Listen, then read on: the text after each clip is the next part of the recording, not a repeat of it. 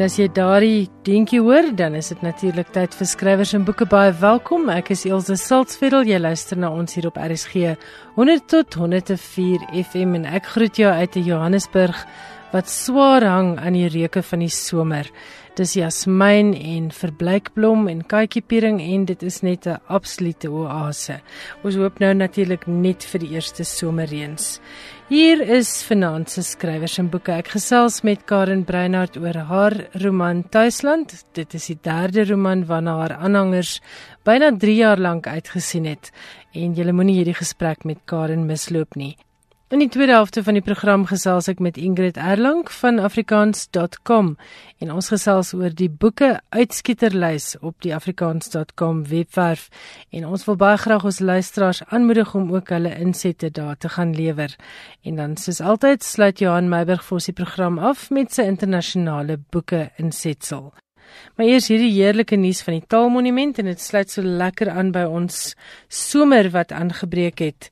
Elf van die digter Eugène en Maree se gedigte kan in die Groen Galery, dit is die openlig galery in die tuin van die Afrikaanse Taalmonument in die Parel, gelees word.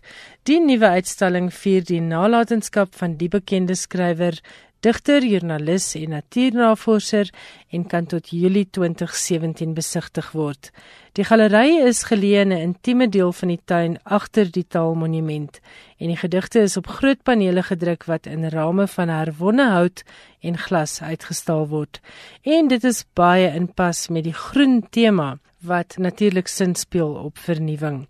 Daar's 11 gedigte, 8 Afrikaanse en 3 Engelse gedigte en dit is Winternag, Die dans van die reën, Skoppensboer, Lalasini, Sonder betaling, Die oorwinnaars, Die spinnerak rokkie, Die meisies, Ode addressed to the Pole composed on Pole Mountain, Anglified Afrikaners in Love. Die baie bekende Winternag word natuurlik beskou as die eerste letterkundig betekenisvolle Afrikaanse gedig en is aangewys as die gewildste Afrikaanse gedig nog. Die drie Engelse gedigte het Marie geskryf terwyl hy tussen 1884 en 1887 in die Paul Public School for Boys wat natuurlik vandag die Hoër Jongensskool Parel is, 'n skoolier was. Die uitstalling word aangebied in vennootskap met die Eugène Marie Stichting in die Parel Dis 'n organisasie sonder winsbejag met die doel om die lewe van Maree op 'n interaktiewe en opvoedkundige wyse te omsluit en aan 'n diverse gemeenskap bekend te stel. Die stigting wil op 'n hedendaagse wyse betekenis gee aan die herbeoordeling van Maree se prestasies en bedrywighede. Dit word gedoen op en van die gerehabiliteerde skool en kursusgeboue van die Paul Public School for Boys. Die monument is daagliks oop van 8 tot 5 en in Desember tot Maart is dit oop tot saans 8uur. Toegang is R25 vir volwassenes, R10 vir Suid-Afrikaanse studente en R5 vir kinders. Kinders onder 6 kan die monument gratis gaan besoek. Volwassenes wat vooraf by Volksmond Koffiewinkel bespreek betaal slegs R10 toegang by die hek. Vir navrae skakel 021 08630543 of stuur e-pos na admin@taalmonument.co.za of besoek hulle webwerf by www.taalmonument.co.za. En as jy meer oor Eugene Maree wil lees, gaan kyk gerus by hulle webwerf www.eugene.maree.org.za. En dan is daar ook nog 'n ander interessantheid waarvan ek dink ons lesers sal wil kennis neem. Die derde van die Eugène Maree Stichting se reeks in gesprek met Eugène Maree word op Donderdag 22 September 2016 ook by die Taalmonument aangebied. Die joernalis John Oosthuizen sal met die digter Lina Spies oor digkuns gesels. Die sitplekke is beperk en kaartjies is beskikbaar teen R80. Bespreek vooraf by François by Eugene koppeltekenmare.org.za of skakel 083 4081902. Dit is die telefoonnommer as jy dalk die 22ste September 'n gesprek oor die digkuns tussen joernalis John Oosthuizen en die digter Lina Spies sal wil bywoon. Net weer die nommer 083 4081902. Nou gaan ons luister na 'n gesprek wat ek opgeneem het by die onlangse Pretoria Boekejol en Filmrolfees wat 'n heerlike, prettige Afrikaanse letterkundefees was wat in Pretoria aangebied is. In hierdie gesprek gesels ek met die misdaadskrywer Karen Breinhardt en in volgende week se Pretoria Boekejol en Filmrol gesprek gesels ek met Philip De Vos, saam met wie ek 'n heerlike paar ure deurgebring het. Ek hoop jy geniet hierdie gesprek met Karen. Ek is hier by die Pretoria Boekejol en Filmrolfees in Pretoria saam met Karen Breinhardt en ek en Karen het nou twee boekbekendstellings agter die rug van haar nuwe boek Tuisland. Karen is 'n uitstekende boek. Dit is jou derde boek en ek kan sien al jou journalistieke ervaring en jou ervaring van die vorige twee boeke Onse Vaders en Plaasmoord het hier bymekaar gekom in 'n fantastiese eindproduk. Baie baie geluk met Tuisland. Vertel vir my uh kortliks, ek weet skrywers haat hierdie vraag, maar net so in so 3-4 sinne die temas in Duitsland. Duitsland is in die eerste plek, is dit 'n moordboek. Ehm um, so dit is die sentrale tema. Die storie trek weg met 'n moord en deur die loop van die boek is daar nou onafwendbaar nog uh lyke wat na vore kom. Ehm um, en sentrale tema sou ek sê gaan oor tuiste, tuiste van waar hoort ons in Suid-Afrika, wie hoort waar? Mag jy hoort, mag jy voel dat dit is ook jou plek. Maar dit is dit is die agtergrond. Dit gaan eintlik oor 'n moord wat gepleeg word uh in die omgewing waar die San woon in die Noord-Kaap, die Kalahari, waarin uh ek wil dit nie 'n tuisland noem nie want dit is nie amptelik 'n tuisland nie, maar dit is 'n stuk grondgebied wat in 'n grondeis uh beskikbaar geword het vir die Kumani San. En dit is waar die boek afspeel. Karin, jy skryf in Tuisland oor die San. Jy skryf uitvoerig oor die kruie, die veldplante waarvan hulle die kennis besit, jy skryf oor hulle kultuur, jy skryf oor hoe hulle kultuur bedreig word. Hoe het jou navorsing daarvoor verloop? Uh dit was tweerlei van aard die navorsing. Uh in die eerste plek het ek gegaan na die grondgebied waar die Komani San is en ek het 'n 'n healer, 'n gesondheidsman, 'n kruieman het ek raakgeloop. Sy naam is Jan van der Westhuizen en uh dit is al 'n ouerige man en hy het uh 'n tamelike wye kennis van veldplante, die medisonale waarde van veldplante. En na nadat ek met hom gepraat het, ek het baie lang gesprekke met hom gehad, het ek toe begin om gewoon Ek het uh, gaan navorsing doen by mense wat plantkundiges is. Jy weet mense wat by universiteit is wat kennis het van die verskeidenheid. Dit is 'n absolute fantastiese veld eintlik, die die geneeskundige of die plante in Suid-Afrika wat geneeskundige waarde het. Vir 'n klein grondgebied soos ons het ons seker die rykste verskeidenheid van medisonale plante van enige plek op aarde. Hier is geïdentifiseer en dit is nog nie eers alles geïdentifiseer nie, 4000 verskillende plantspesies met medisonale waarde in Suid-Afrika. So ek het vreeslik baie gaan eh, kers opsteek by mense wat kundiges is en vir die res is dit lees. Ek het uh, fantastiese boeke wat ek oor die jare bymekaar gemaak het want dit is 'n ding waarin ek uh, belangstel. So dit was op 'n uh, praatvlak en dan ook op 'n leesvlak. Dis 'n fascinerende onderwerp. Ek dink nie mense is bewus daarvan nie, maar die kruie-industrie is verskriklik groot. Dit is een van die die alternatiewe medisyne industrie wêreldwyd is besig om nog groter te word as die tradisionele medisyne hier by die westerse medisyne. Uh en daar is geweldig baie deurbrake wat kom uh met nuwe kankers en so aan se behandeling wat kom van krye en van tradisionele kennis. Dit is die dit is eintlik die kern van die ding. Dit is mense wat hierdie kennis eintlik al het vir 10000de jare. Jy het 'n wonderlike gesprek gehad met David Kruiper. Nou hy is 'n legendariese Sanmens en hy is onlangs oorlede. Vertel 'n bietjie van julle ontmoeting in sy kantoor. ja, ek uh, ek was baie gelukkig om hom nog te kon ontmoet. Hy het 'n verskriklike kleurvolle verlede in die opsig dat hy was in 'n stadium was hy wat die San, die Komani San wat daar woon self noem speelboesmans. Hy was een van die groep mense wat by Kagakama destyds in diens geneem is, as ek dit so kan sê, wat uh vir toeriste moes speel asof hulle tradisionele boesmans is. Jy weet met ander woorde, hulle sit om 'n vuurtjie en hulle maak goedjies uh en wys vir toeriste hoe maak hulle vuur op die tradisionele manier en so aan.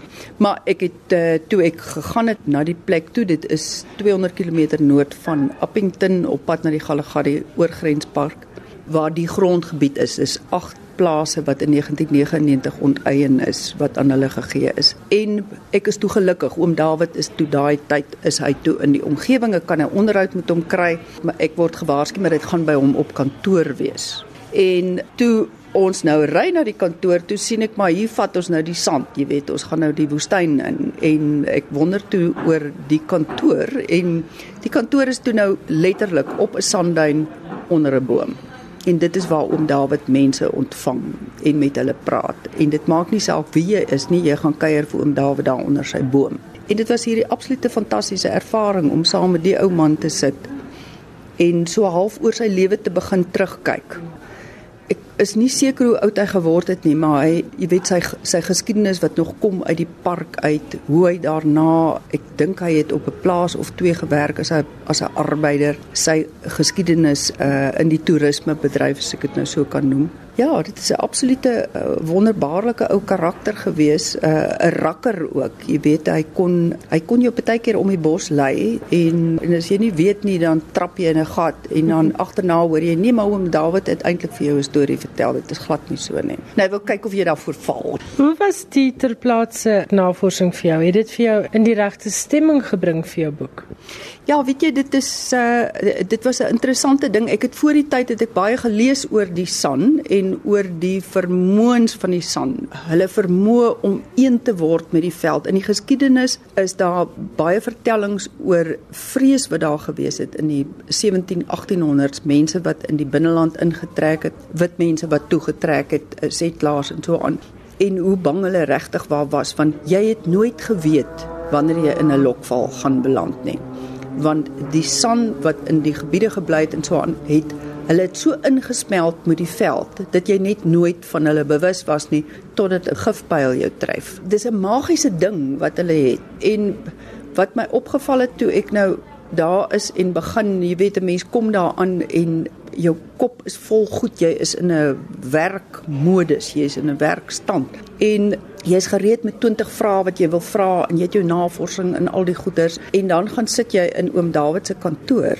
en jy begin mettertyd kom jy agter maar hierdie gesprek neem die loop wat hy moet loop totdat oom Dawid gereed is eintlik om met jou te praat. So hy loop lang draaie rondom allerlei onderwerpe en so aan en jy is nie bewus eers daarvan nie maar die ou oom manipuleer jou totdat jy begin rustig raak het. En dit is die mees ongelooflike ding wat met my gebeur het is 'n mens so 'n paar ure dan by hom in sy kantoor sit wat jy begin jy voel hoe jou hartklop verstadig en rustig raak. Jy voel hoe uh jou sintuie begin oopgaan. Jy raak bewus van die veld jy raak bewus van die tekstuur van die sand onder jou voete want jy sit op die sand met hom en gesels. So jy raak amper deel van die landskap en dit is 'n ding wat ek andersins nie sou as ek in 'n koffieshop gesit het en die onderhoud met oom Dawid gedoen het dan sou hy dit was vir my so 'n gawe wat ek eintlik ontvang het van baie van die mense is om so ure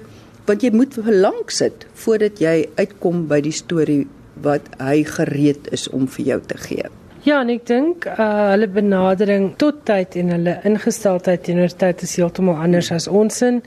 En jy's 'n oud joernalis, so jy gaan gewapen en gereed en hmm. al jy mens werk mos maar altyd teen 'n sperdatum en dit bestaan nie in die Kalahari nie.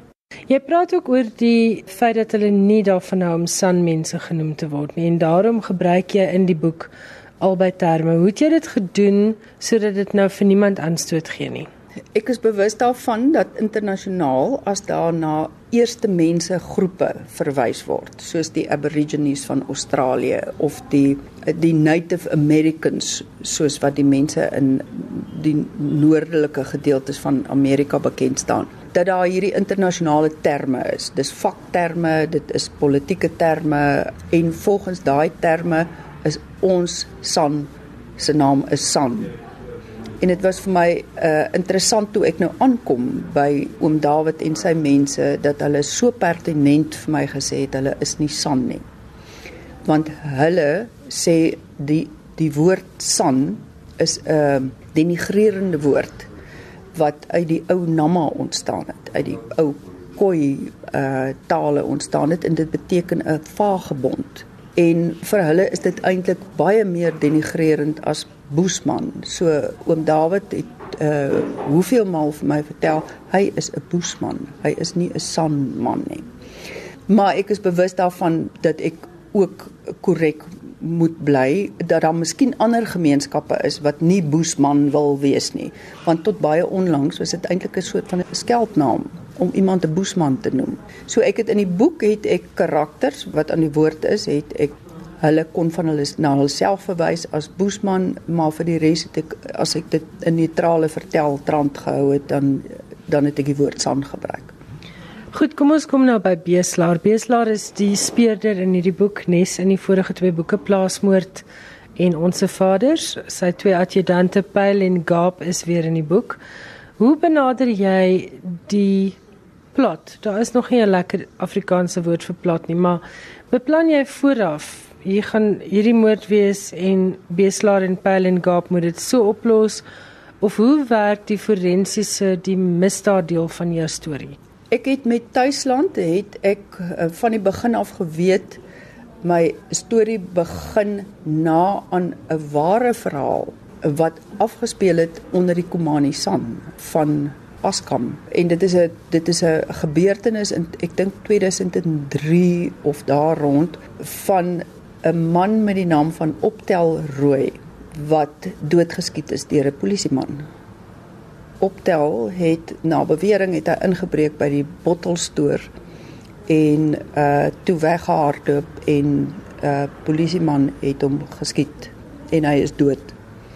En Die moord is ondersoek of die eh, sterfte van optelende rooi is ondersoek, maar die Boesmans was nooit oortuig daarvan dat geregtigheid geskied het nie. En die saak het op die ou einde by die Menseregte Kommissie gaan draai en die Menseregte Kommissie het gesê hierdie saak moet hof toe gaan. Die polisiemanne moet vervolg word en dit is ook wat gebeur het op die ou einde. Dit was my vertrekpunt gewees van daar is 'n moord in die Kalahari en ek het van die begin af het ek geweet my moord is 'n enkele moord en dit word opgevolg deur ander sterftes, ander mense wat doodgaan en ek het geweet dood is en wie se dood nie behoorlik ja, ondersoek is. Ja. En uh dit het gegaan rondom ek wou dit vanuit die staanspoor wou ek dit 'n uh, verhaal gehad het wat begin by by die polisie en die polisie se uh verhouding tot die SAN in daai gebied en dan die moord. En die moord is dan die sneller vir al die res van die gebeure en uh het vir my die platform eintlik gegee om al die lekker ander dinge daarbey uh te bring, goed wat my my interesseer. En dit was van die begin af, dit het vir my gegaan rondom die moord en die raaisel van hierdie moord. En my ou held is nou maar beslaar en hy is nie altyd die ou wat inspring en onmiddellik 'n saak regstel nie. Ehm um, hy's 'n gewone menslike mens, maar hy weet hoe om op die ou einde die orde te herstel. En dit is sy job. Vir my is is 'n lekker spanningsverhaal werk amper soos 'n ou cowboy storie in die opsig dat daar is onreg in 'n gemeenskap of daar gebeur 'n traumatiese ding wat die wat die gemeenskap op sy kop draai. En dan kom daar letterlik 'n ridder op sy wit perd en hy los die raaisel op, hy herstel die orde en die vrede in die samelewing. En dit is dit is my ou beeslaar. Ja, hy's 'n ou met baie deernis en uiteindelik ook die ene wat die geduld het om hierdie baie raaisels te ontrafel want as Kokus mentor jou ander hoofkarakter Harsin gehad het, jy die verkeerde mens in die tronk beland. Jy wissel jou jou storie hoofstukke sal ek dit nou maar noem af met iets wat vir my herinner aan Boesman mitologie, aan die tipe van rympies en goed wat om 'n vuur sou vertel word.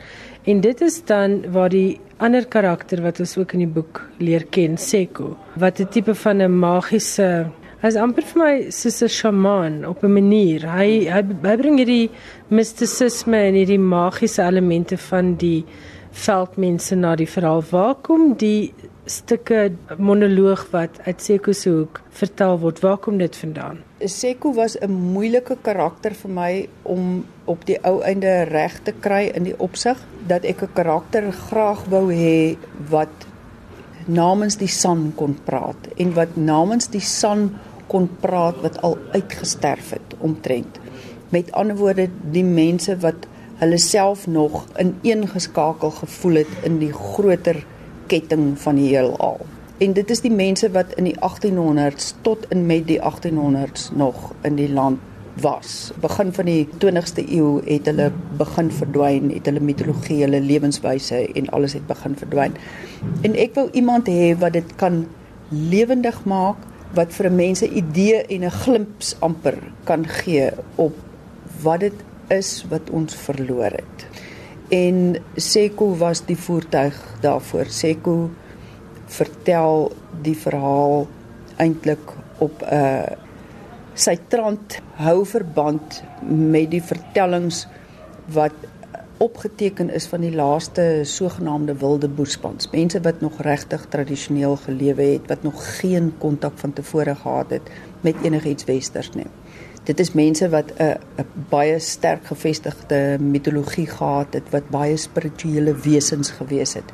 En as gevolg daarvan hulle ineenskakeling in die natuur en wat jy omtrent kan sê het op 'n het op 'n mistiese en 'n half esoteriese vlak hulle kon dinge aanvoel hulle kon dinge voorspel.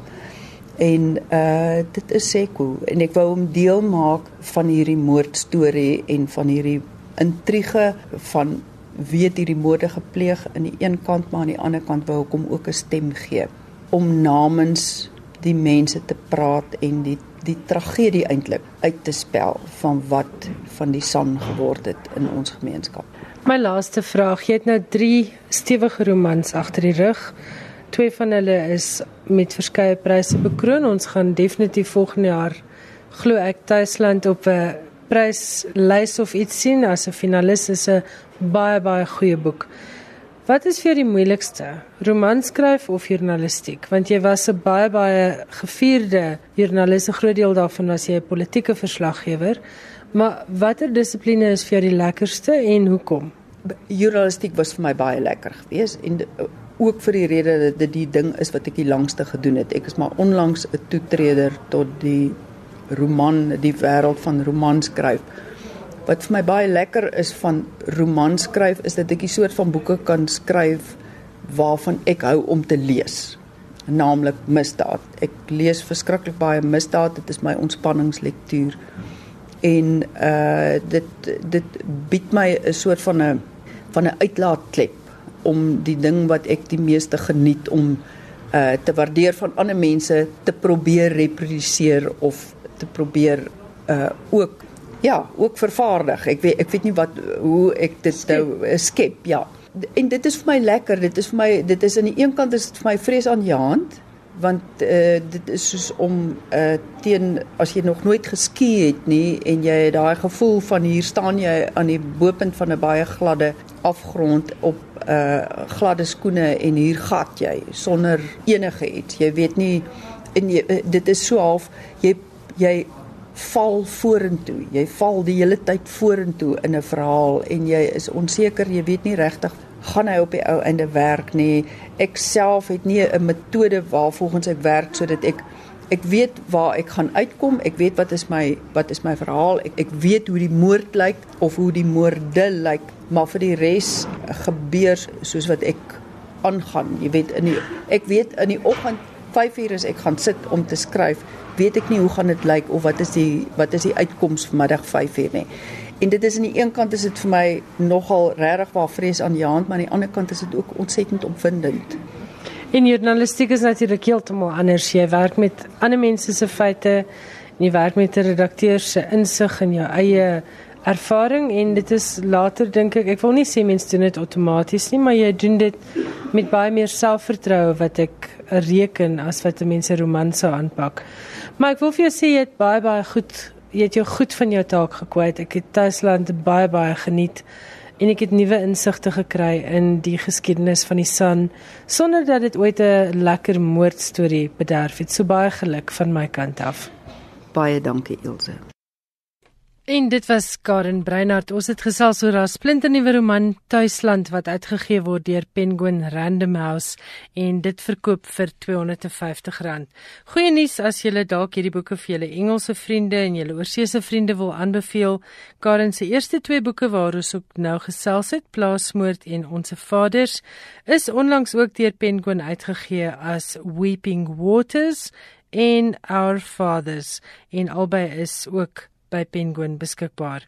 Net interessantheidshalwe Karen het met Plaasmoord die Universiteit van Johannesburg se debietprys vir kreatiewe skryfwerk gekry en sy is ook twee keer met Mnet toekenninge bekroon vir Plaasmoord sowel as vir Onse Vaders en ek is baie seker daarvan lesers gaan hierdie boek Tuisland baie geniet. Dit was een van die hoogtepunte van my leesjaar.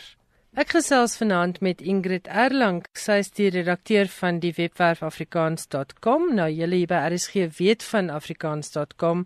Dit is hierdie wonderlike inisiatief om Afrikaans te bevorder en om Afrikaans as 'n handelsmerk uit te bou. Goeienaand Ingrid. Goeienaand Ilse, goeienaand luisteraars. Dit is so lekker om by julle te wees vanaand. Ons gesels nou spesifiek oor afrikaans.com se boekelys, die uitskieterlys wat ons vroeër vanjaar op die webwerf geplaas het. Hoe vorder dinge met hierdie lys? Want die idee daar agter is om die 100 beste boeke wat al ooit in Afrikaans verskyn het op een lys te kry met luisteraars en lesers se stemme en aan die hand van hulle eie keuses ook. Weet jy Ilse, ons kry wonderlike reaksies op die boekelys. Dit is baie duidelik dat Afrikaanse mense is lief vir lees. Ons sê op ons webwerf se grappende wys dat mense in Suid-Afrika meer lief vir sjokolade koop as vir boeke koop. Maar dit is vir baie duidelik dat dit nie so is nie. Mense stem gunsteling boeke, hulle laat weet van boeke wat hulle graag op die lys wil sien wat 'n groot indruk op hulle gemaak het en ek moet vir julle sê dat Afrikaans leef in die harte van mense se huise of in mense se lewens en veral op hulle boekrakke. So die idee met die boeke uitskieterlys is dat jy gaan kyk na hierdie lys en dat jy gaan stem vir jou gunsteling boeke, maar ook vir ons terugvoer gee oor boeke wat vir julle spesiale betekenis gehad het. En ons gaan natuurlik artikels begin publiseer oor wat sê mense oor hierdie verskillende boeke dis ons baie belangrik dat Afrikaanse mense weet dat hierdie lys is vir alle Afrikaanse mense en dit is nie afrikaans.com se lys nie. Dit is 'n lys vir Afrikaanse mense wat lief is vir lees en om hierdie lys uit te brei so ver as moontlik en om soveel as moontlik verskillende genres in te bring in ons boekelys. Is daar al genoeg belangstelling of dink jy mense kan maar gerus meer bydraes lewer? Ek sê definitief, ek dink ons het 'n wonderlike veld op die oomblik wat vra hoe lyk jou Afrikaans. En ek dink baie mense is betrokke by die kompetisie wat meer as 800 inskrywings gehad vir ons eerste ronde wat nogal einde van hierdie week nou tot 'n einde kom. Ons wenners word aangekondig op die 10de September. Maar dan is daar nog 'n tweede en 'n derde ronde.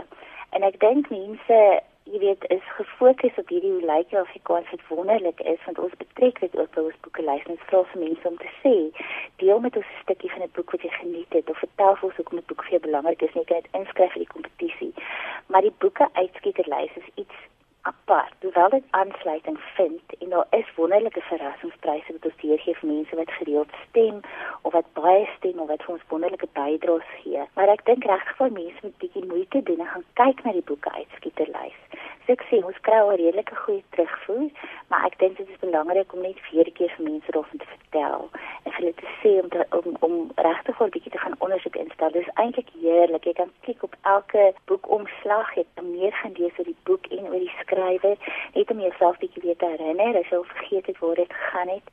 En sommer net om daardeur te blaai. Dit is eintlik 'n baie baie lekker oefening.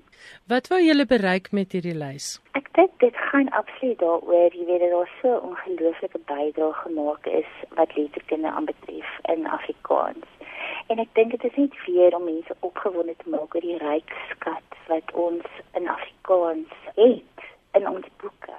En natuurlik, jy weet, dit is so baie belangrik om mense te inspireer en opgewonde te maak sodat hulle vir hulle kinders kan leer om te lees. Jy weet ek dink lees is net so ek jy sal absoluut my saamstem en ek weet al die luisteraars wat na hierdie program luister weet dat boeke jou so verryk en jou wêreld oopmaak. En ek dink dit is maar die groot ding. Ek dink dit is 'n groot passie wat ons het vir Afrikaans en vir dit wat in Afrikaans beskikbaar is. En ek weet ook uh, toe julle my gevra het om dit saam te stel, het julle ook gevra ons moet vir die leser 'n soort van 'n sentrale plek gee waar hy meer kan lees oor boeke, maar byvoorbeeld dan ook so soveel moontlik agtergrond oor die skrywer en die boek en resensies en miskien akademiese werk wat geskryf is oor en rondom die boek. So dit is tipe van 'n een een-stop inligtingseentrum oor die Afrikaanse boek. Ja, jy, ek dink Afrikaans.com is regtig vir 'n deurgang of 'n plek waar mense kan uitvind waar om al die inligting te kry. Jy weet, vir ons is dit so belangrik om te vier dit wat reeds gedoen word in die Afrikaanse leefwêreld. En jy weet, daar's wonderlike wonderlike hulpbronne daar buite. So ons maak mense lus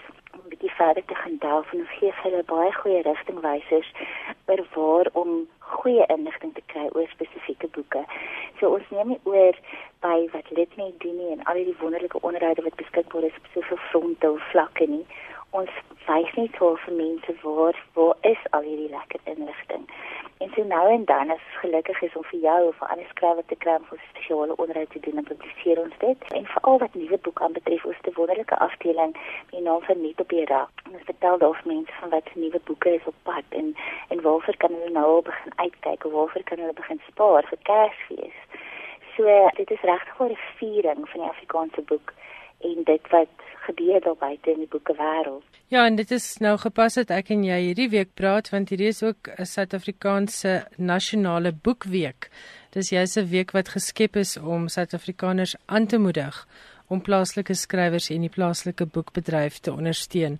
So vertel 'n bietjie van die pryse wat luisteraars kan wen as hulle nou deelneem aan die boekkeuses op die boeke uitskieterlys op afrikaans.com. Ja, nou wie vertel van die pryse? Ek wil net sê aangesien dit nou hierdie baie spesiale week is, ek dink regtig vir luisteraars moet hulle deeltjie gaan doen en bydra tot hierdie boekelys. Dit regtig vir 'n lysdalk waar ons almal kan trots wees. Wat ons kan sê, weet hierdie Afrikaanse boekelys is nie moeite werd vir elkeen wat nog nie begin lees het nie om te begin lees. Wat die pryse aan betref, weet jy, ons het wonderlike borge wat vir ons boeke beskikbaar stel, digbundels en wonderlike reekse boeke wat ons skenk vir mense wat op hierdie vlak deelneem. Ingrid, baie dankie dat jy vanaand met skrywers en boeke se luisteraars gesels het. Ek dink luisteraars gaan nou moeite doen om op afrikaans.com se boekelys te gaan klik En ek gesels hopelik in die nabye toekoms weer met jou oor boekdinge hier op skrywers en boeke. Dankie vir die geleentheid en dankie vir die wonderlike program. Dit was die stem van Ingrid Erlang, die redakteur van afrikaans.com. Ek en sy het gesels oor die boeke uitskieterlys wat op die webwerf saamgestel word. Ek het afgeskop met 'n basiese lys wat ek saam met boekklubs, leeskringe en verskeie lesers en akademici saamgestel het. Maar nou is dit jou beurt om te gaan stem vir jou 100 gunsteling boeke wat al ooit in Afrikaans verskyn het. En as jy dink daar kort boeke op daardie lys, stuur gerus dan nou ook vir Ingrid via die webwerf 'n e-pos. En as jy stem, dan kom jy dalk in aanmerking vir heerlike boeke as pryse. Dit is dan alles by afrikaans.com. In ons gesprek het ek ook verwys na Nasionale Boekeweek. Nou dit is van dese week hier in Suid-Afrika Nasionale Boekeweek. Dit is in 2010 ingestel na aanleiding van 'n 2007 studie wat getoon het dat net 14% van Suid-Afrikaners boeke lees vir ontspanning en dat 'n eislike 51% van Suid-Afrikaners nie een enkele boek vir ontspanning in hulle huise het nie. Die Boekeweek is toe ingestel om lees en boeke te bevorder onder gewone Suid-Afrikaners. En vir ingeval jy gewonder het, maar ek dink ek preek nou so half vir die bekeerdes want almal wat hier luister is waarskynlik ywerige lesers. Maar lees hou die volgende voordele in vir 'n kind se ontwikkeling. Dit verbeter verbeelding, dit verhoog hulle intelligensie, Dit is goed vir hulle breinontwikkeling, dit bou woordeskat en lesers is ook meer produktiewe mense, glo dit of nie. Natuurlik is dit ook goed vir nasiebou en om die kulturele diversiteit in 'n land te verbeter as mense mekaar se stories begin hoor en lees. En die boekbedryf verskaf natuurlik ook werksgeleenthede en is baie goed vir die Suid-Afrikaanse ekonomie. Ondersteun dus asseblief van dese week Suid-Afrikaanse Nasionale Boekeweek. Jy kan dit op een van verskeie maniere doen. Jy kan of 'n boek gaan koop en dit skenk of jy kan jou boekrakke leegmaak van al die boeke wat jy nooit weer gaan lees nie en dit skenk vir 'n biblioteek of 'n skool in jou omgewing of jy kan 'n donasie maak by die webwerf van die Suid-Afrikaanse Nasionale Boekeweek. Dit is www.sabookcouncil.com www.rsg.co.za. En ek weet sommer die skrywers en boekeluisteraars gaan soos altyd hulle kant bring tydens Suid-Afrikaanse Nasionale Boekeweek. En nou het jy natuurlik die perfekte verskoning om jouself hierdie week te bederf met 'n lekker boek. Geniet dit. Jy luister na skrywers en boeke op RSG. Jan Meiburg, baie welkom by my in die ateljee. Jy het weer vir ons baie lekker interessante nuus en jy begin met die Frankfurtse Boekeskou wat ek glo een van die groot boeke geleenthede op die jaarlikse kalender is. Dis inderdaad die uitgewerswêreld se grootste handelskou. En dit word van 19 tot 23 Oktober in Frankfurt in Duitsland aangebied en meer as 7100 uitstallers van meer as 100 lande neem vanjaar deel. Soveel as 275000 besoekers word verwag. Sedert 1976 sonder die boekeskou jaarliks een land uit as eregas en vir die duur van die skou word die land se boekemark, letterkunde en kultuur in die besonder gepromoveer. Vanjaar is die eregas weliswaar Nederland en Vlaandere. In boeke uit die omgewing kom in die kollig. Ook met die oog daarop om meer vertalings van Nederlands en Vlaamstalige skrywers die wêreld in te stuur. 'n Groot vertalingsondersteuningsprogram help onder meer om vertaalregte en lisensies te fasiliteer en om 'n wêreld van moontlike kontakte te ontsluit. Die voordeel van die eregasstelsel van die Frankfurtse Boekeskou is dat die voordele vir die eregasland na die boekeskou steeds bly voortduur. Nederland word op die boekeskou amptelik verteenwoordig deur die skrywer Arnon Groenberg en Vlaandere deur die digter Charlotte van den Broek. In plaas van die gewone toespraak wat die amptelike verteenwoordiger van die eregasland gewoonlik maak, gaan die twee vanjaar in gesprek. Groenberg was 'n jaar of wat gelede op besoek aan Suid-Afrika. In sy Tirsa het nie net verskeie literêre pryse verower nie, maar is ook vervilm. Sy jongste boek, Moedervlekken, het onlangs verskyn. Dis die verhaal van sy ma en bevat beskrywings van haar Auschwitz-ervaring. Die boek het ook reeds in Duits verskyn. Die 25-jarige van den Broek se debuutbundel, Chameleon, het verlede jaar verskyn en is vroeër vanjaar bekroon met die Herman de Koning debuutprys. Die bundel is ook reeds in Duits vertaal. Luisteraars wat belangstel kan natuurlik gaan luister na my onderhoud verlede jaar. Ek dink dit was so Oktober rond met Arnon Greenberg uh oor Tersa. Ek sien nogal uit na daai boek oor sy ma se ja, ervarings want inderdaad. Dit bly vir my een van die aangrypendste dele van die uh, hedendaagse geskiedenis. Is enigiets wat te doen het met die konsentrasiekampe. En ek wil ook sê, miskien weet die luisteraars dit nie, ek weet jy weet dit, maar daar's fantastiese samewerkingsooreenkomste tussen Suid-Afrika se letterkundiges en die van Vlaandere en Nederland en daar's baie goeie kruisbestuiving. Ek dink byvoorbeeld aan skrywers soos Dion Meyer en Irma Huber en Janet Paul wie se werk in Vlaams verskyn en uh, hulle is ons baie goed gesin. Dis waar. So ek's baie bly hulle kry ook nou 'n kans dat die res van die wêreld se kollig op hulle kan skyn.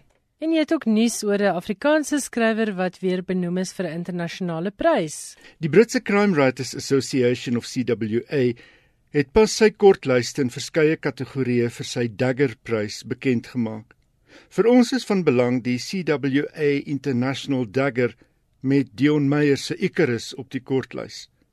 Icarus, vertaal deur KL Seegers, is die verhaal van Benny Griesel en Won Cupido se ondersoek na die moord op 'n internet-entrepreneur wie se lijk oopgespoel het tydens 'n Kaapse vratsvloed vlak voor Kersfees. Die prys vir misdaadromans wat ook insluit thrillers, spannings asook spionasiefiksie word toegekend aan 'n boek wat nie oorspronklik in Engels verskyn het nie en later vertaal is. Meyer se mededingers is die Duitse skrywer Sasha Arangu vir sy The Truth and Other Lies vertaal deur Imogen Taylor. Die Fransman Pierre Lemaitre vir sy The Great Swindle vertaal deur Frank Wynne. En terloops, die Dagger is verlede jaar ook aan Lemaitre toegeken vir sy Camille, eweneens vertaal deur Frank Wynne. Die Japanse skrywer Hideo Yokoyama vir sy 64 vertaal deur Jonathan Lloyd Davis en die Duitse skrywer Kay Rademacher vir sy The Murderer in Ruins vertaal deur Pieter Miller. Die wenner word op 11 Oktober in Londen aangekondig. Die CWA Diamond Dagger word by die geleentheid toegeken aan Peter James Britse skrywer met meer as 30 romans agter sy naam. Die kriteria vir die toekenning is tweerlei. Eerstens volgehoue skryfwerk van 'n hoë gehalte en daarnaas 'n betekenisvolle bydrae tot misdaadfiksie in Engels, oorspronklik in Engels of vertaal, dit maak nie saak nie. Dis wonderlike nuus en dis gepaste erkenning vir Dion Meyer. Ons hou vir hom duim vas. En dit skakel ook sommer in by van dese week se Suid-Afrikaanse Nasionale Boekeweek. So ek wil luisteraars ook herinner om hierdie week asseblief boeke te koop. Koop Suid-Afrikaanse skrywers of jy nou in Engels of Afrikaans wil koop. Ons plaaslike skrywers het jou geld nodig. Ek dink nie mense besef hoe hard werk 'n skrywer aan 'n boek nie en ek dink ook nie hulle besef hoe min word hulle betaal nie. So Dion Meyer, dankie dat jy ons naam hoog hou en ek is seker of van ons gaan nog 'n paar ander Afrikaanse skrywers se werke ook binnekort daar sien. En dan die Italianers nou in hierdie salle lui met 'n goeie plan vorendag gekom.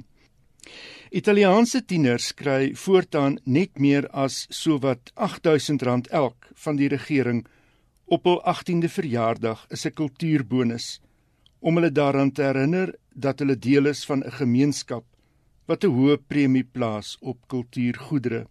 Die gedagte is dat die meevaller uitgegee word op boeke, besoeke aan museums en ander maniere van kulturele verryking. Volgens Tommaso Nannicini, die minister in beheer van die strategie, koste die Italiaanse regering sowat 4,7 miljard rand om die bonus uit te betaal aan die sowat 575 000 tieners wat kwalifiseer.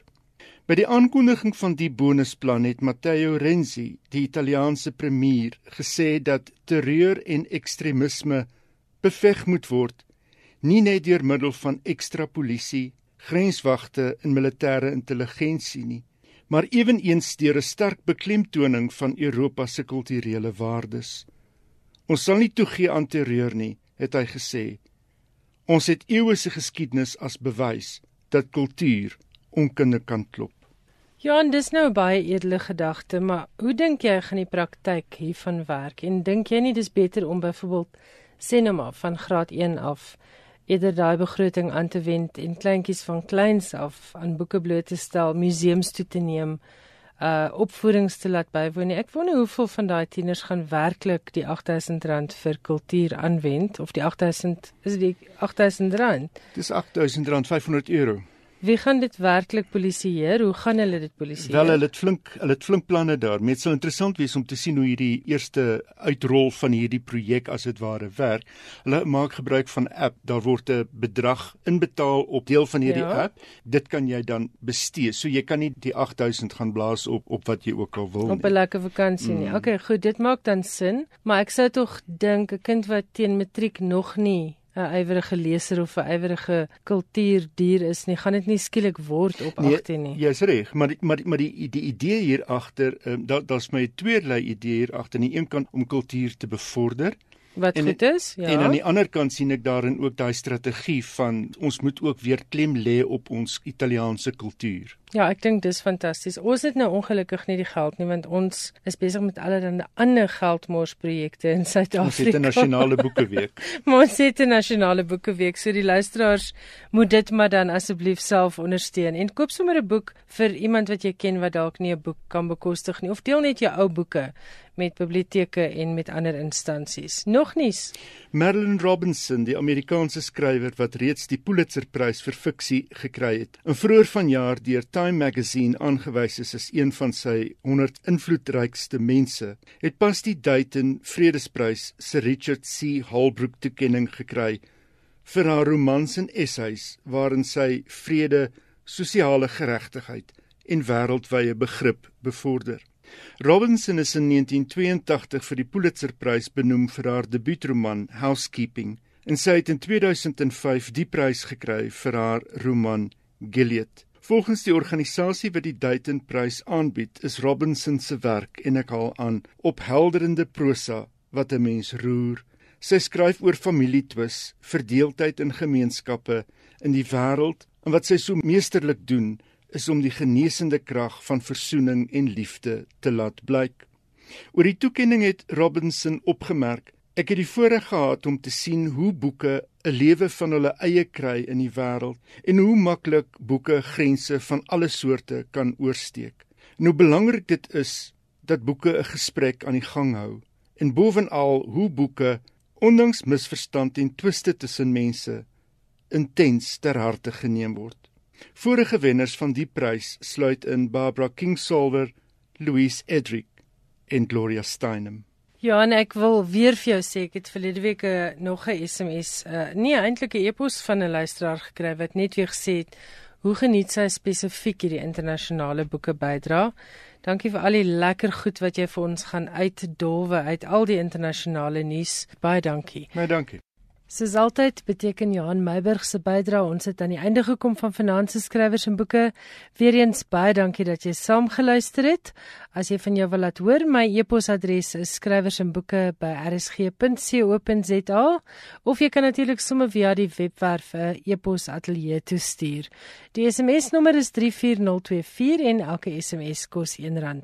Onthou nou om te gaan stem vir jou gunsteling 100 Afrikaanse boeke by www.afrikaans boek.com gaan kyk na hulle uitskieterlys en onthou om weer 'n slag deur jou boekrakke te kyk en te kyk of daar nie iets is van hierdie leesvreugde wat daar staan en stof vergader wat jy met iemand kan deel nie.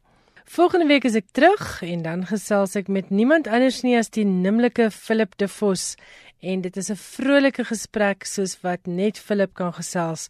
Ek beloof jou jy wil dit nie misloop nie.